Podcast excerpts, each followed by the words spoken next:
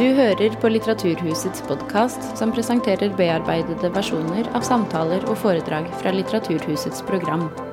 Er du interessert i mer informasjon, kan du gå til litteraturhuset.no for oversikt over alle våre arrangementer.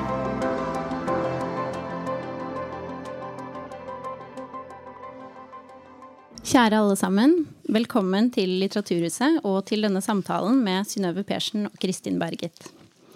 Arrangementet er en del av festivalen Alt dette er min heim, som har fokus på samisk og kvensk og norsk-finsk litteratur, kultur og historie.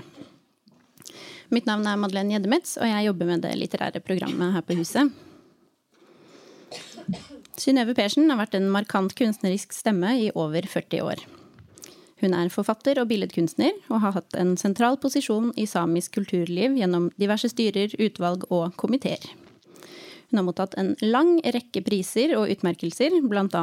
Kulturrådets ærespris, og ble i 2018 slått til kommandør av Den kongelige norske Sankt Olavsorden for sitt kunstneriske virke og for fremragende samfunnsnyttig innsats for norsk og samisk kultur og samisk samfunnsutvikling. Så det er mye man kunne ha snakket med Synnøve Persen om, men i kveld så er det poesien som skal få fokus. Persen debuterte i 1981 med diktsamlingen som på norsk har tittelen Blå fugler flyr, og har så langt utgitt fem diktsamlinger på nordsamisk, hvorav to har vært nominert til Nordisk råds litteraturpris. Jeg gleder meg til å høre Persen snakke om poesien sin med forfatterkollega Kristin Bergit her om et øyeblikk.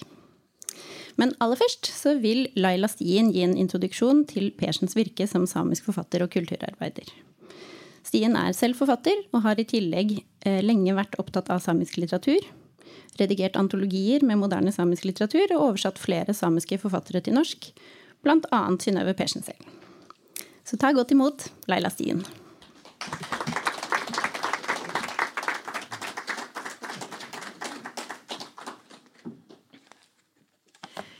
Uh, litt om Synnøve Persen.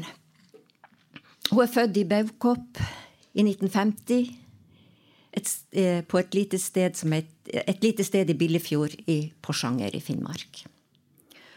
Hun vokste opp der, i et sjøsamisk område sterkt utsatt for fornorskningspolitikk over lang tid. Og i særlig grad på 50-tallet. Det var norsk som gjaldt, skolen var norsk, samisk ble et slags løgnespråk som var snakka inn i husene, et språk man ikke kom noen vei i verden med. Det var det som ble eh, signalisert fra sentrale myndigheter. Og tiltak iverksatt. Og mange samer, ved kysten først og fremst, begynte å snakke norsk heime òg.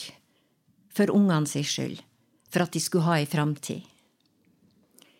Men Synnøve sine foreldre ga ikke etter for trykket de var i tvil da Synnøve kom til verden som den første fødte i en søskenflokk på etter hvert ni. Foreldrene bar tvilen sin fram i samtale med en god venn og en respektert mann. Hans Bevkopp het han. Han var lærer, og han var Synnøve sin gudfar. Han sa, dere skal snakke samisk med barnet deres. Og sånn blei det. Og sånn kunne Synnøve bli poet på samisk, og kunne benytte det særdeles klangfulle og rike morsmålet i dikt med en klar egenart. Da hun debuterte med diktsamlinga Alit lottit giridilit, Blå fugler flyr, i 1981 var hun allerede billedkunstner, maler, med utdanning fra bl.a. Kunstskolen i Trondheim og Statens kunstakademi i Oslo. Hun er fremdeles billedkunstner, med en stor produksjon. I tillegg til sitt doble kunstnerskap har Synnøve jobba organisatorisk og aksjonistisk for samiske rettigheter og for synliggjøring av samisk kultur på flere felt. Hun var eksempel en av de fem unge samiske aksjonistene som sultestreika utenfor Stortinget i 1979, i protest mot regjeringa sine planer om utbygging av Alta-Kautokeino-vassdraget. Ei utbygging som i første planleggingsfase ville betydd neddemming av hele bygda Masi. På det tidspunktet protestene var kommet så langt som til den nevnte aksjonen, så bodde hun Synnøve i Masi. Der hadde hun og flere ganske nyutdanna samiske billedkunstnere fra flere hold i Sápmi slått seg i lag og danna et kunstnerkollektiv. Masi-gruppa kalles det i dag. Blant de her fem var også Synnøves søster Ranveig, billedkunstner hun òg. Det er flere kunstnere i den familien. Onkelen deres, Jon Persen, er en kjent komponist. Jeg bodde i bygda da, og fikk oppleve den friske vinden som blåste inn i et lite, tradisjonelt samisk bygdesamfunn.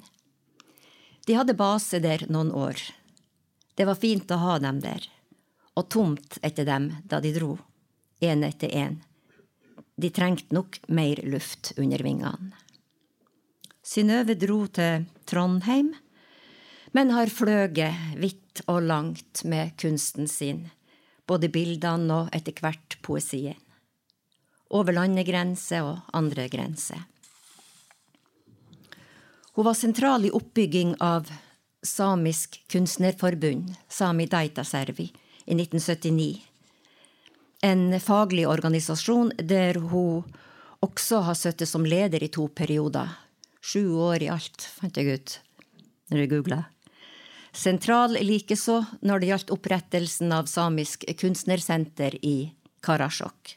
Et senter som jobber for å støtte og synliggjøre samisk samtidskunst lokalt og internasjonalt. Et mottiltak kan man kanskje kalle det for å redusere stereotype oppfatninger av hva samisk kunst er. Synnøve har i det hele tatt vært en pådriver, en ildsjel i samisk kulturkamp i flere tiår. Den første som laga utkast til et samisk flagg, det var hun. Dere kan se det på Nasjonalmuseet. Nå bor hun i Baukopp i Billefjord, der hun er født. Der har hun heim og atelier. Derifra reiser hun ut når hun drar til utstilling i Nuuk, altså Grønland, til Mexico eller til po poesifestival i Medellin i Colombia, til Bodø og Berlin, Vadsø og Venezia. Og dit kommer hun hjem til sin svenske billedkunstnermann Dag Erland Nyberg, hvis han ikke hadde vært med på reisa da. Og arbeider videre. Hun har hatt mange separatutstillinger, er representert i mange galleri, hatt mange utsmykkingsoppdrag. Dere får google sjøl det er en lang CV. Det er blitt fem diktsamlinger til nå, på samisk, og oversatt til norsk av henne sjøl, bortsett fra den første som jeg har oversatt. Men i nært samarbeid med Synnøve, eller Sonna. Vi bodde i samme bygd, vi kunne samsnakke. Å oversette fra samisk til norsk er ikke lett. Ikke til andre språk heller, vil jeg tro. Synnøve er oversatt til mange språk, annet kinesisk. De har nok strevd, dem òg. Den kanskje største utfordringa ligger i at samisk har et så skyhøyt presisjonsnivå. Jeg skal illustrere det med et enkelt eksempel, nemlig tittelen på debutboka. Ser dere den? Alit lottit kiridilit. Alit betyr blå. Lottit er fugler. Eller det kan bety blå fugler, eller det kan bety de blå fuglene. Man skiller ikke mellom bestemt og ubestemt. Det går frem av konteksten, men i en enkeltstående tittel så er det jo kanskje ikke noen tekst, kontekst, men vi ble vel enige om ubestemt form. Så jeg skrev blå fugler. Men så kommer verbet. Girdi litt. Eh, grunnverbet er girdit, som betyr å fly. Men samisk er et såkalt agglutinerende språk. Gluten, altså lim. Man lim, kan lime på endelser som ender eller spesifiserer eh, ordet nærmere. Og her er det da et verb, og man har flere muligheter, forskjellige typer endelser man kan eh, føye til grunnordet. Girdilitt er subjektiv og uttrykk at ei handling tar til og vedvarer. Så hvis det skulle ha vært tro mot det, det, Hvis det skulle ha vært presis, så hadde det vært noe sånt som at blå fugler letter og begynner å fly og fortsetter med det. Men det kan man jo ikke skrive.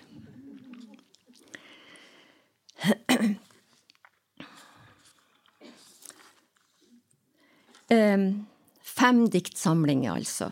To av dem nominert til Nordisk råds litteraturpris fra samisk område, som allerede nevnt. Eh, nummer seks er på vei ut snart. Men også andre skriftlige arbeid har man fra Synnøve si hand. Artikler, foredrag og denne nydelige boka med fotografi av Bente Geving. Morai galkasoya hit empogogerda. Treet skal man ikke bøye mer enn det tåler. Ja, her var noen bilder, men det er ikke så godt å se på lang avstand. Eh, ei veldig fin bok. Eh, det løfter fram en annen samisk kunstner, nylig avdøde Jon Ole Andersen fra Tana. En kunstner i tre. Og hun lar han sjøl fortelle om si utvikling fra liten gutt fra harde kår var med og bygd hus når han var 13 år. Eh, til en som driver sin hobby eller sitt håndverk, sin duotji, fram til høyt anerkjent kunsthåndverk. Mye av æra for det gir han Samisk kunstnerorganisasjon. Det at han ble innlemma i foreninga og fikk både impulser og oppbakking der. For sitt mangfoldige arbeid, både eget kunstnerskap og innsatsen for samisk kunst og kultur i det hele tatt, utvikling, synliggjøring, har Synnøve Persen fått både takk og hyllest. Jeg gjentar det hun sa i stad, Madeleine. I 2018 fikk hun Kulturrådets ærespris, og samme år ble hun kommandør av St. Olavs orden. Applaus.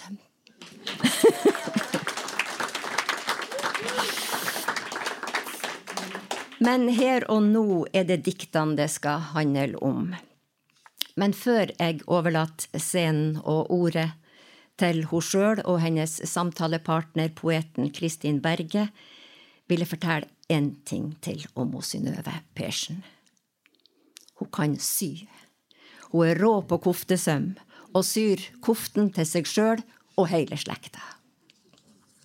Takk.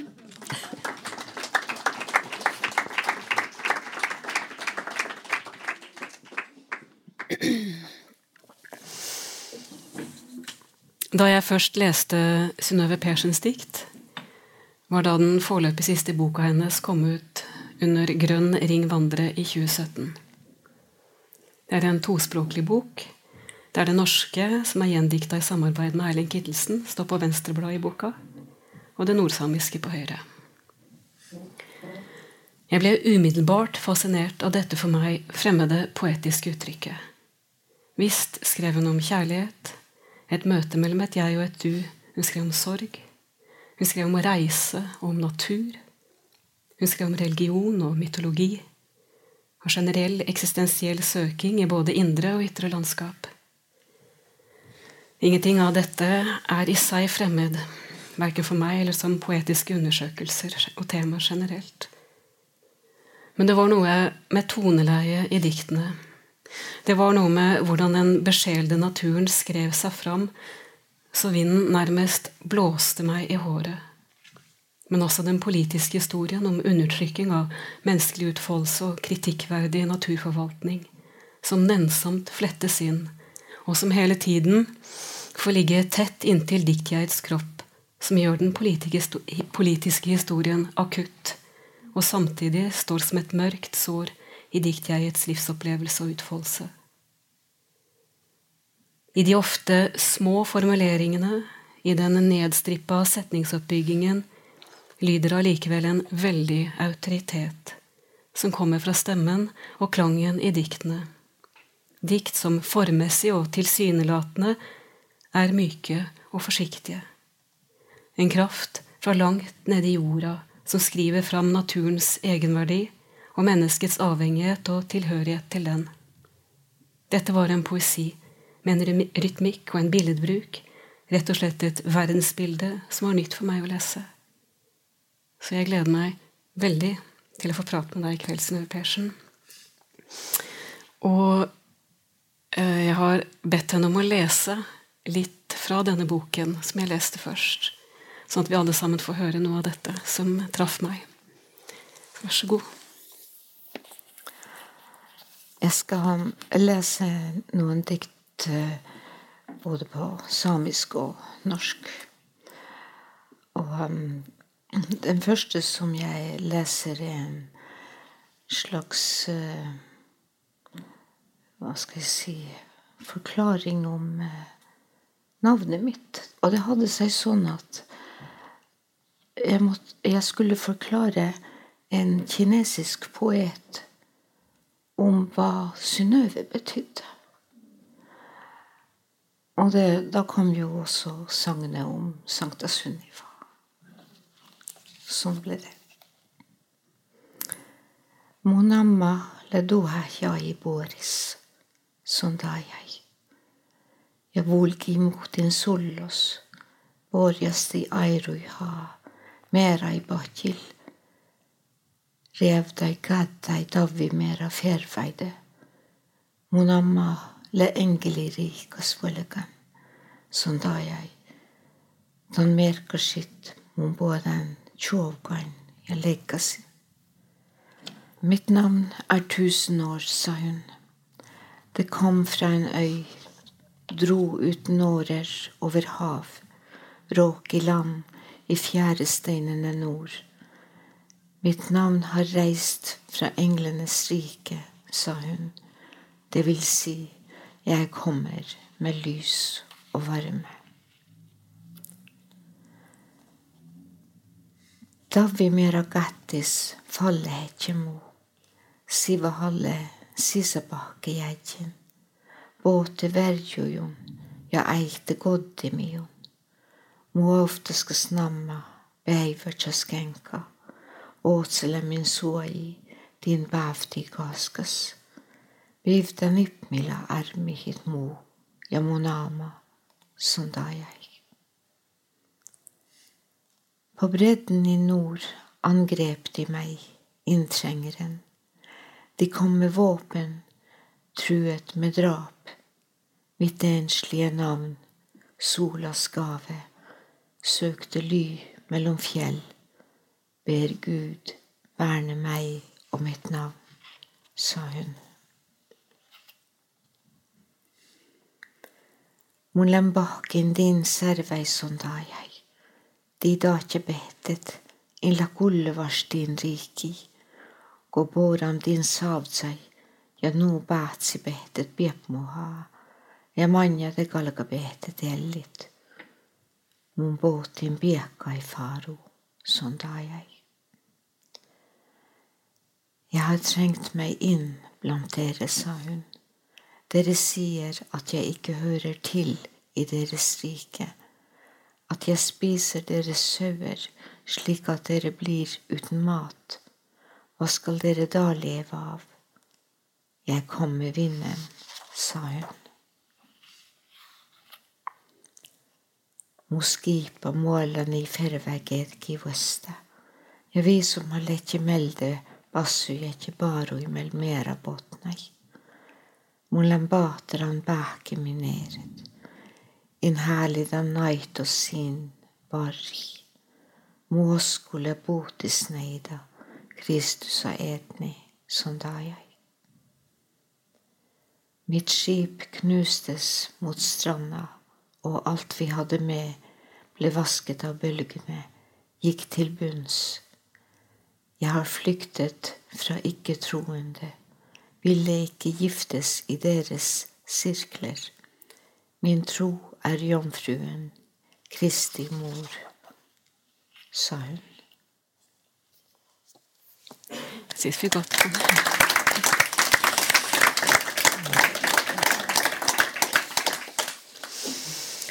Tusen takk, Synnøve.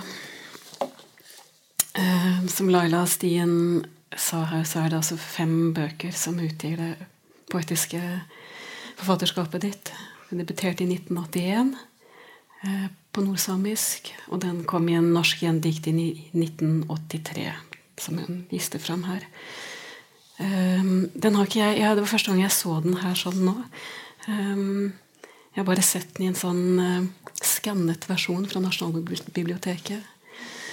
Men uh, Og den er en sånn nydelig uh, En sånn liten Den ser ganske liten ut i formatet, med en sånn vakker blå font som er den samme fargen som er i en rekke akvareller som er som, som den boken også deler med diktene. da og eh, da har du jo, som Laila Steen her sa, en lang utdannelse bak deg og er godt etablert som billedkunstner. Og så kommer du med denne boken. Og jeg lurer veldig på hva det behovet for språket og for diktet var hos deg. Hvorfor du, hvorfor du måtte gå til språket og til diktet for å fortsette eller for å utvide. eller Hvordan det så ut for deg, den overgangen. da. Ja. Ja, det bare Det bare kom. Kom av seg sjøl. Eh, jeg hadde jo da eh, flytta til Masi og kom til en eh, totalt samisk språklig bygd. Og det var en stor opplevelse å komme et sted hvor de snakka bare samisk. De, de, fleste. Det var jo noen som snakka norsk også. Så jeg tror det bare det var et sånn skudd inn i eh, språket og, og eh, Og så var jeg jo eh, ganske forelska da. Og så da kom de diktene også, og, og, og de bildene jeg, jeg, vet ikke hva De bare De bare havna ned på papiret. Det høres helt idiotisk å si det, men, men eh, noen ganger er det sånn. Eh, så, så det ble eh, begynnelsen. Og, og, det, og, jeg hadde aldri skrevet på samisk tidligere, som også Laila nevnte, med 50-tallet mm. og fornorskningen og alt. Mm. Som jo eh, var bare det norske språket. Men jeg hadde et, et veldig bra muntlig språk mm. fra hjemmefra og fra hjembygda. Og, uh, så det var helt naturlig for meg å Og resten kunne du jo finne løsninger på. Hvordan, hvordan skal jeg skrive det her? Og mm. det finnes jo ordbøker og diverse grammatikker og alt som man kan bruke som hjelpemidler. Og, uh, og det var sånn det, det, begynte, og det var en veldig uh, spennende ting.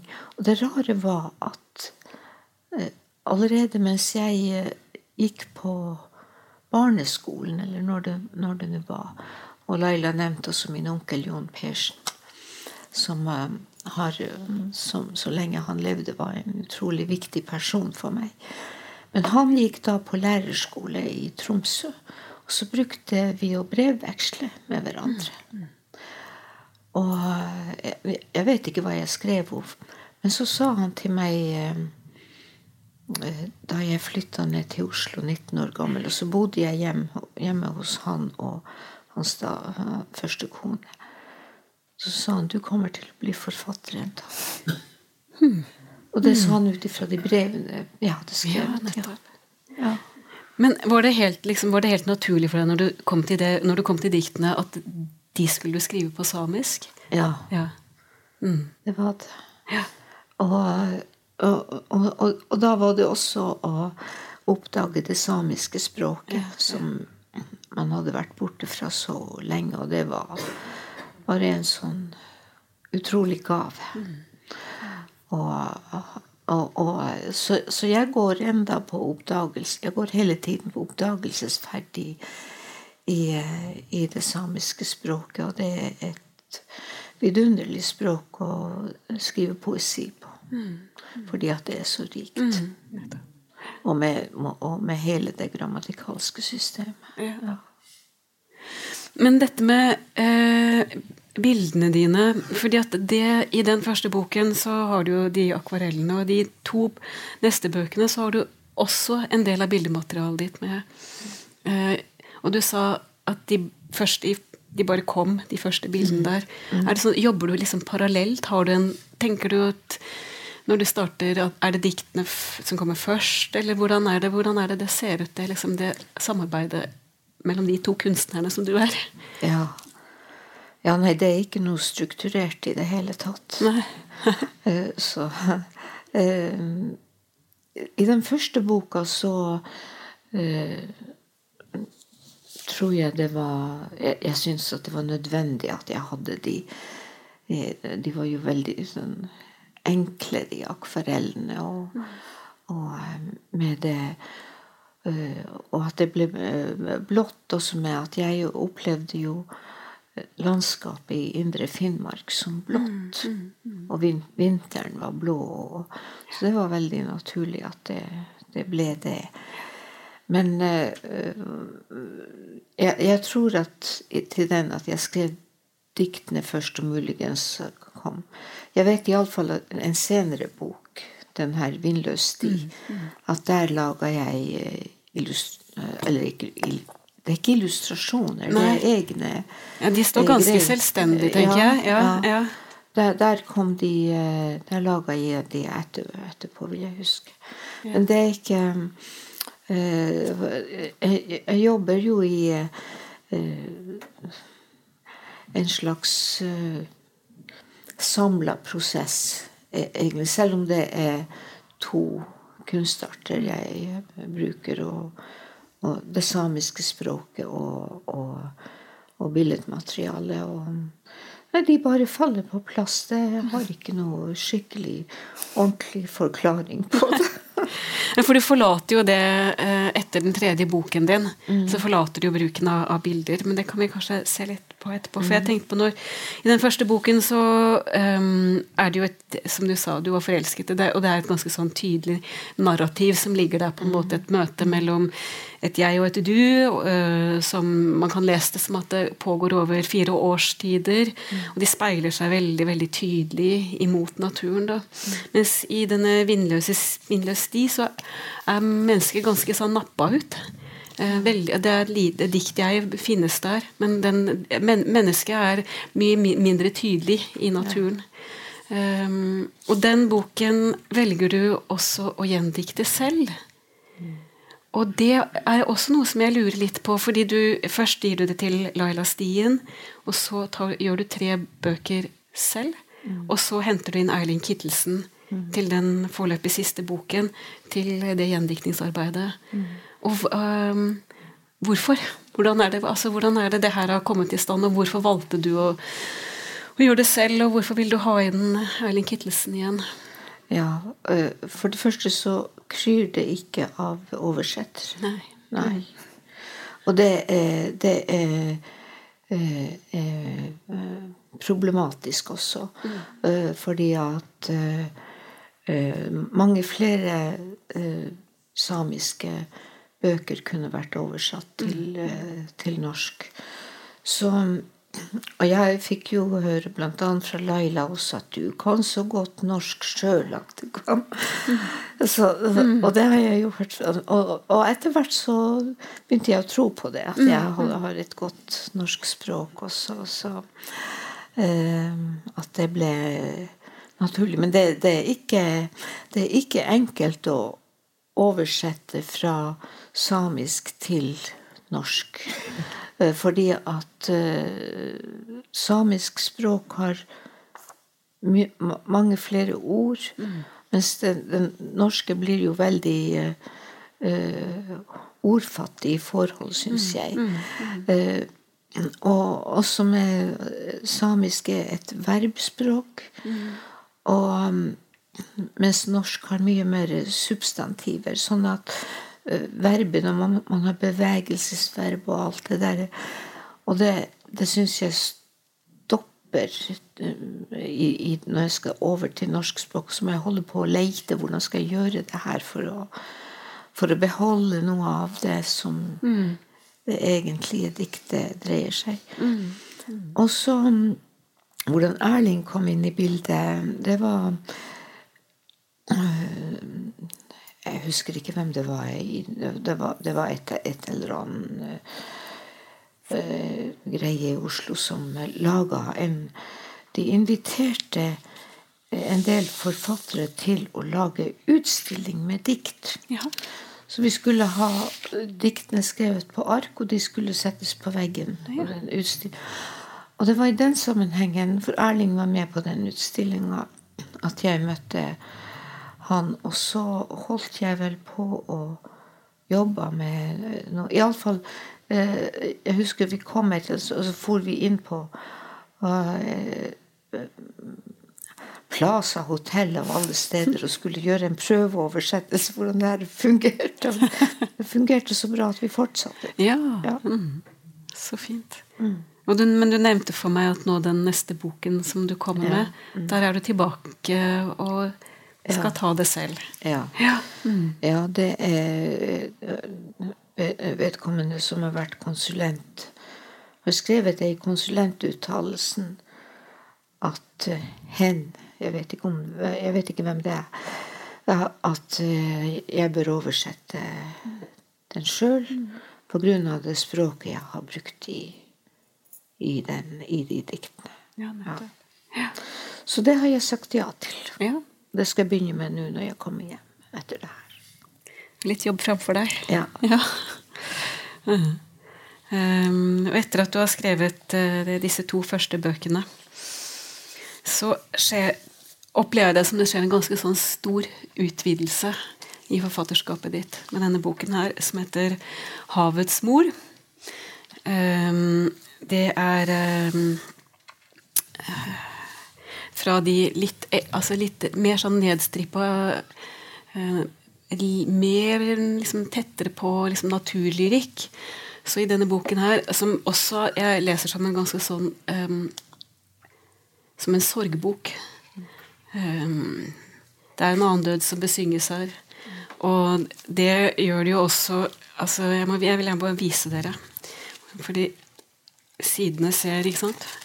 Den, alt dette her sorte som ligger rundt disse hvite, hvite lille, de hvite små diktene. Eh, Jeg er med på å understreke den, eh, den opplevelsen veldig tydelig. Her kommer også eh, den samiske mytologien mye tydeligere frem. Eh, det politiske landskapet som du har befunnet deg i, er også mye tydeligere. Eh, og jeg, jeg er veldig, veldig nysgjerrig på å høre deg prate litt om hvordan denne boken her kommer i stand. Hva, hva, kanskje du, du kan også egentlig bare starte med tittelen 'Havets mor', hvis du vil. Er, hvem og hva er havets mor i, denne, i dette arbeidet her? Eh, Selve eh, havets mor er jo uh, henta fra et inuittisk sagn. Med at eh, Og det, er jo også samtidig vi har, ja, Man har jo vokst opp med I Nord-Norge har vi jo vokst opp med historier om havet og, og uh, Mirarauga og altså uhyre som bor i havet. og det, det, det, det er mye skummelt i, i, i havet som vi ikke eh, ser. Og, og, men, men den tittelen er iallfall det. Og så er den eh, Og du sier det er sorg, og den eh, eh, Den skrev jeg etter at eh, jeg mista min mor. Eh, fordi at eh, ens mor er jo Hva skal man si? Ja, ens mor er ens mor. som på en måte holder hele tilværelsen på plass. Fra man er barn og til, til hun går bort. Og da øh, Og jeg tror med det, Jeg måtte ta inn masse Jeg måtte ha så masse som hjalp meg.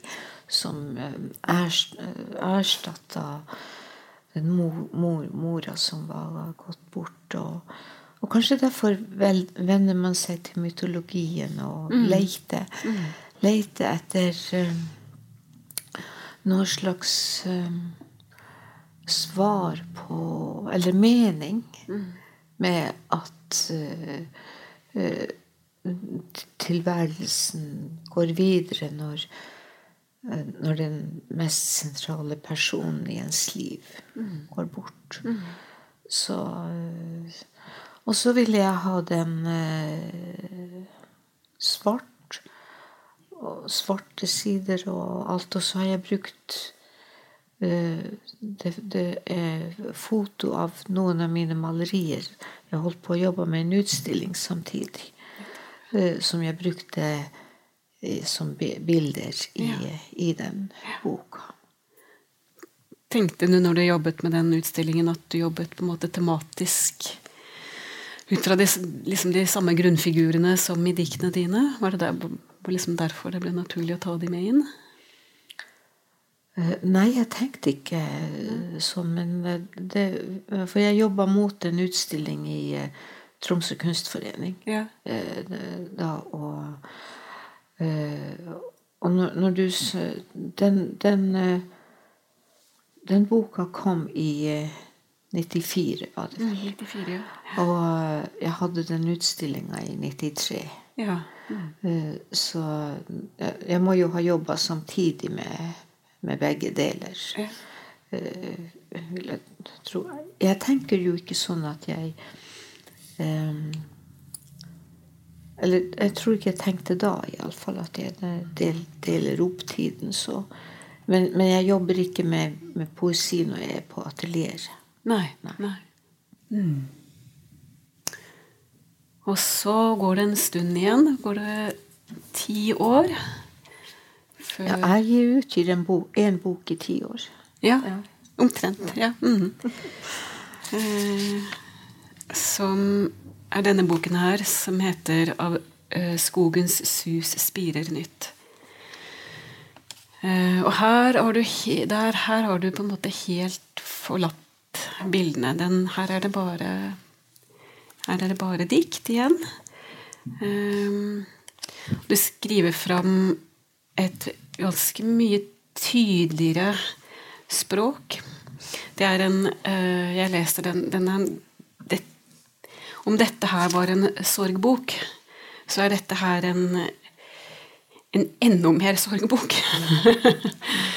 uh, det går ikke an å si det. Men um, det er et Altså her den er, den er, på en måte ganske stille. Jeg opplever den mye stillere, den sorgen du skriver fram i den havets Her er det, det er veldig Det er ganske rått. Uh, det er, det er, det er liksom et det er, sorgens raseri, på en måte, som, som, som boken åpner i, da. Um, og så skjer det Så er det på en måte en sånn slags forsoningsprosess som pågår gjennom den boken. Og det som jeg syns kanskje er påtagelig, som, som, er, som jeg, ser i, tenker jeg ser i mye av arbeidet ditt, er at dikt jeg eh, alltid søker seg Den søker seg, veldig, søker seg, ikke til menneskefellesskapet, men den søker seg på en måte alltid til naturen. Ja. Um, for uh, ja um,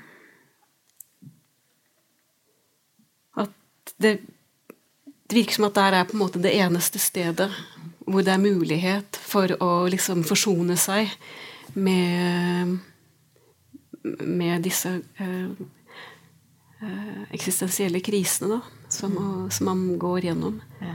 Er det noe du liksom tenker er det, er, det, er det, noe som naturlig skriver seg fram i arbeidet ditt?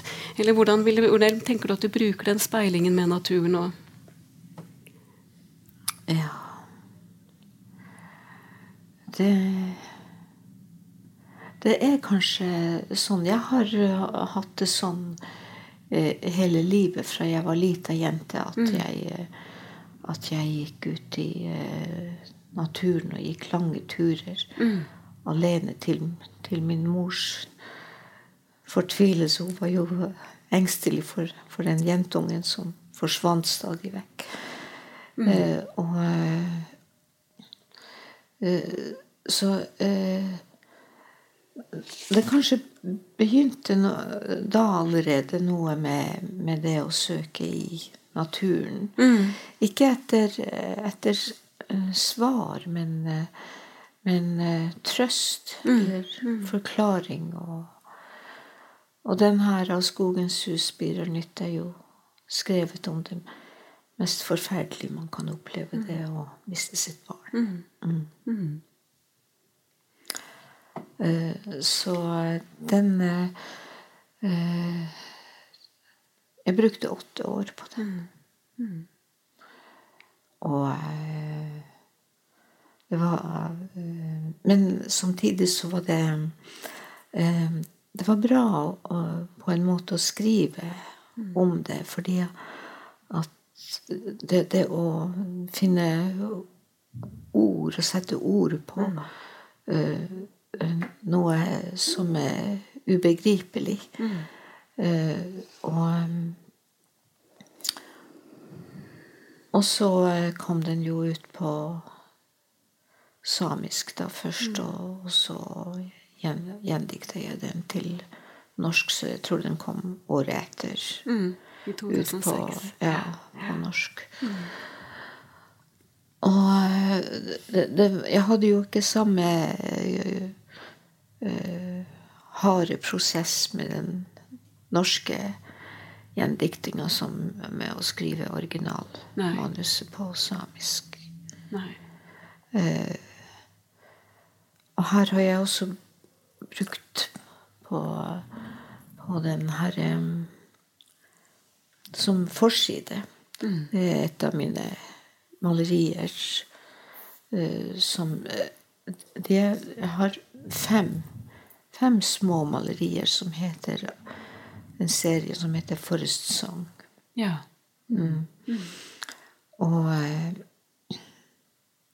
de har jeg beholdt selv, og de skal gå i arv til mitt barnebarn. Ja. Mm. Hmm. Mm. Fordi de, de, bildene er om hennes mamma. Ja, nettopp. Mm. Ja. Utover i boken først så, um, så, skriver de jo fram med en veldig, veldig kraft uh, den fortvilelsen over det tapet. Mm. Så henvender du, henvender du, deg også til uh, noe til samisk mytologi. Og så etter hvert så kommer helt mot slutten så kommer det inn Håpets fire søstre. Mm. Jeg lurer på om du kan fortelle litt om Håpets fire søstre? Ja Ja, og hvorfor fire? Ja. Det, det, husker jeg ikke, men det, det, det var eh, jeg tror det jeg, jeg, husker ikke helt hvordan det var. Det er jo lenge siden jeg har skrevet den boka nå. Og, og uh, hvordan det var i for, Fordi at når du er inn, inn i den der skriveprosessen, så uh, tenker du ikke sånn i det hele tatt. Mm, mm. Jeg syns det var viktig å jeg, jeg, brukte jo såpass lang tid på den mm, boka, og så, prosessene inni meg endra seg jo også. Ja. Og med at jeg begynte å, å se et slags håp. Mm i det hele. Mm. Og, og, da var det eh, jeg, jeg, tror jeg har veldig ofte det, det og, og, søstre mm. Eh, At det er kvinneskikkelsene som eh, kommer inn som håp håpet. Jeg tror jeg har veldig lite mannfolk med i mine dikt. Ja, Som et sånt begjærsobjekt innimellom? Ja, ja, ja. ja. Men eh, eh, Og, og eh, de eh, Jeg tror det er fire dikt om ja. Mm. Håpets søstre. De er jeg veldig glad i. Ja, de og de er også uh, Vi snakka i sted om det oversatt til engelsk og spansk. Ja. ja. ja. Kan ikke du bare lese ett sånt Håpets fire søstre for oss? på den her Jeg har bare den norske, norske utgaven her, altså. Så du får bare Ja, jeg, men jeg vil også, når jeg ser det diktet, så uh, Også uh, Håpets fire søstre Nå husker jeg det. Det, det er uh, også noen venninner og kvinner ja. i livet mitt ja. som noen sitter her. Og mm. Ja. og betydningen Mm. de har. Håpets fire søstre holder verdenshjørnene i sine silkefrynser. Hamrer trommen, former sjelenes reise hjem. Veldig fint, altså. Takk. Vi går mot det går veldig raskt, dette her, altså. Ja. En ting som Dette vet jeg ikke helt hvordan leder til et spørsmål, men jeg tenker vi kan si for at Det som jeg syns er så veldig påtagelig, som jeg sa litt sånn innledningsvis også med å lese diktene dine, det er at ofte når man leser dikt om natur, så får man opp et sånn Altså ser man på en måte naturen for seg. Og det syns jeg ikke jeg gjør i så stor grad med deg. Det er på en måte som at den naturen den er liksom, liksom nesten sånn helt internalisert i deg, på en måte. Sånn at jeg får en følelse. Jeg, det er som at jeg nesten kjenner havet på havet. Eller Og det, jeg lurer på, Kan du si noe om det, om det forholdet ditt? liksom, hvordan um, at det- jeg vet ikke om, for Jeg får også en følelse at det er det du vil. på en måte, altså Det er ikke det at det viktigste for deg er at jeg skal se for meg det nordnorske landskapet, men at det er et eller annet med en sånn indre følelse fra naturen, da, som du skriver fram i diktene dine. Er det noe du kjenner igjen? Er det noe du liksom Jo, når du nevner uh, ha, havet, eh, så Da jeg jobba med denne boka, eh, så eh, hadde jeg et prosjekt. Det gikk jo også over flere år, men hvor jeg ville reise til tre forskjellige steder, men, men hvor havet var viktig. Og det, det første stedet var mm, Jeg hadde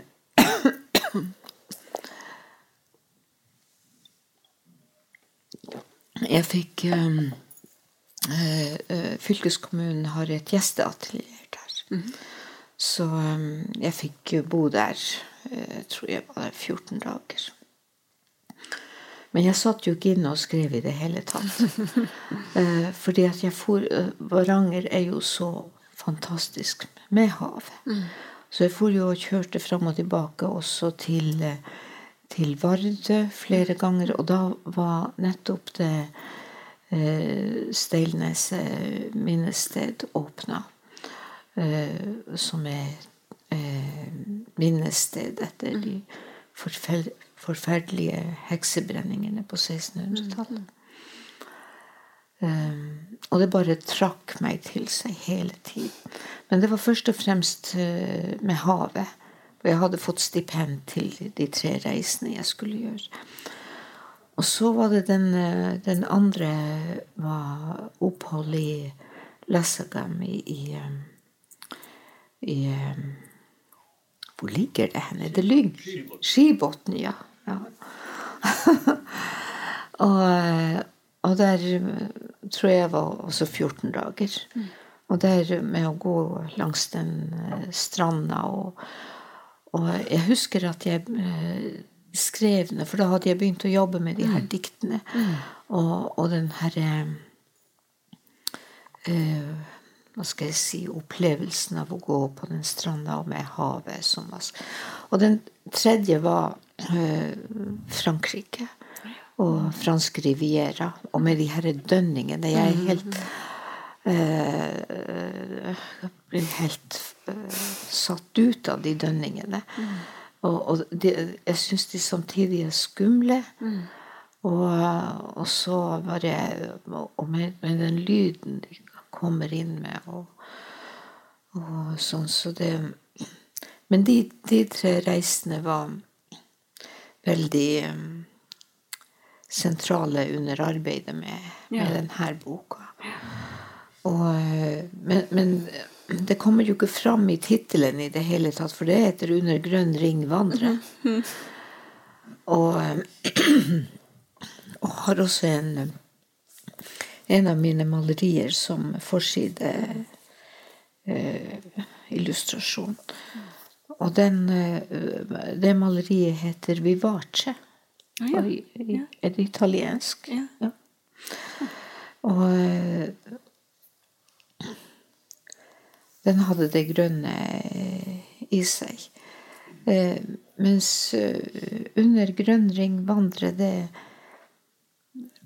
Det var også egentlig ganske enkelt. Så jeg gikk tur på kvelden i Baukopp, og så plutselig hadde jeg en grønn ring over meg.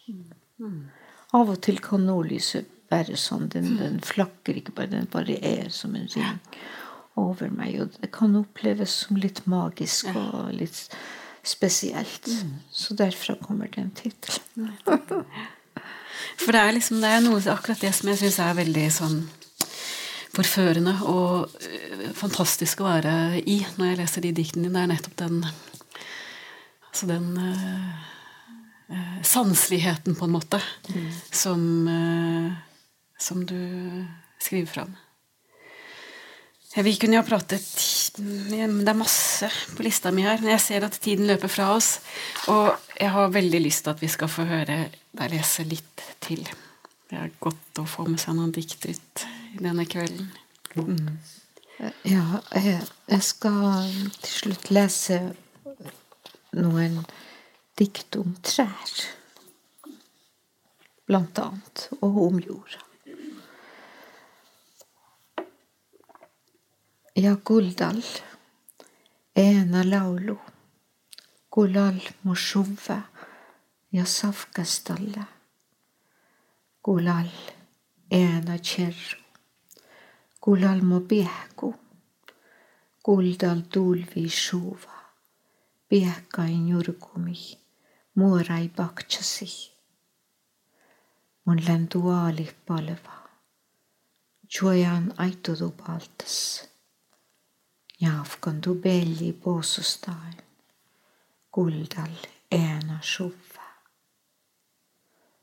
Og hør, jorda synger, hør hvordan den bruser og hvisker. Hør, jorda gråter, hør hvordan den klynker. Hør flommen, vindene plystre, trærne pines.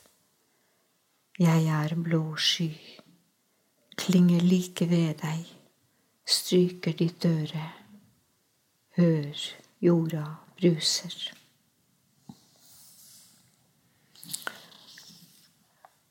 Goldal gästergädji, jungeli, chattuja elli, sielu arnahabdi, og savkastallami.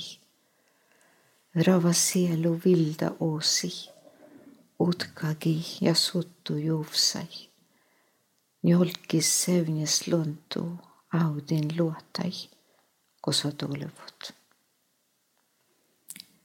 Hør gjærende jungler, planter og dyr, hør skattkammeret i deg hviske, åpne hugen, villskapens og syndens dører, løp øde stier i det mørke landskapet. Mora muitet ja ohpet, aima husset ja vaaruhit nubbi nuppi. me jalkasi vai Baisin rohtaselt söödset suuri jäi. Njaamait määnaideset savri milkin. Vilda mehtsin raapasalt maailmit, suuve laulaat, rohtasin kergeita. Suhket sõlma sienad, poktet arjelas määnelas muovda ja haalu tiedid. Trær husker og lærer, tar vare på hverandre, mater stubbene, så røttene greier seg i hundrevis år. De gir barna med sin melk. I ødemark åpnes verdener, bruser sanger fra rot til topp, sukker lyder, vekker modig, barnlig glede og lyst til å vite. Og det siste diktet. Sevnjes iain ena bolla, jaska ditt kjerro, Njursujun kuunai haa, dolle jaktsama jauket almi vesta, manne komo vuoti, majena neavi. I mørke netter brenner jorda, gråter stille, høye flammer uten aske.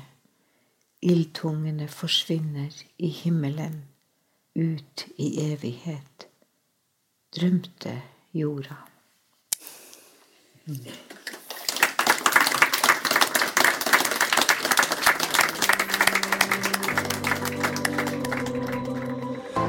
Du har hørt på Litteraturhusets podkast, som presenterer bearbeidede versjoner av samtaler og foredrag fra Litteraturhusets program. Del gjerne podkasten med familie og venner via iTunes eller Soundcloud om du liker det du har hørt. Følg oss også på Facebook og på litteraturhuset.no for informasjon om flere aktuelle arrangementer. Musikken er laget av Apotek.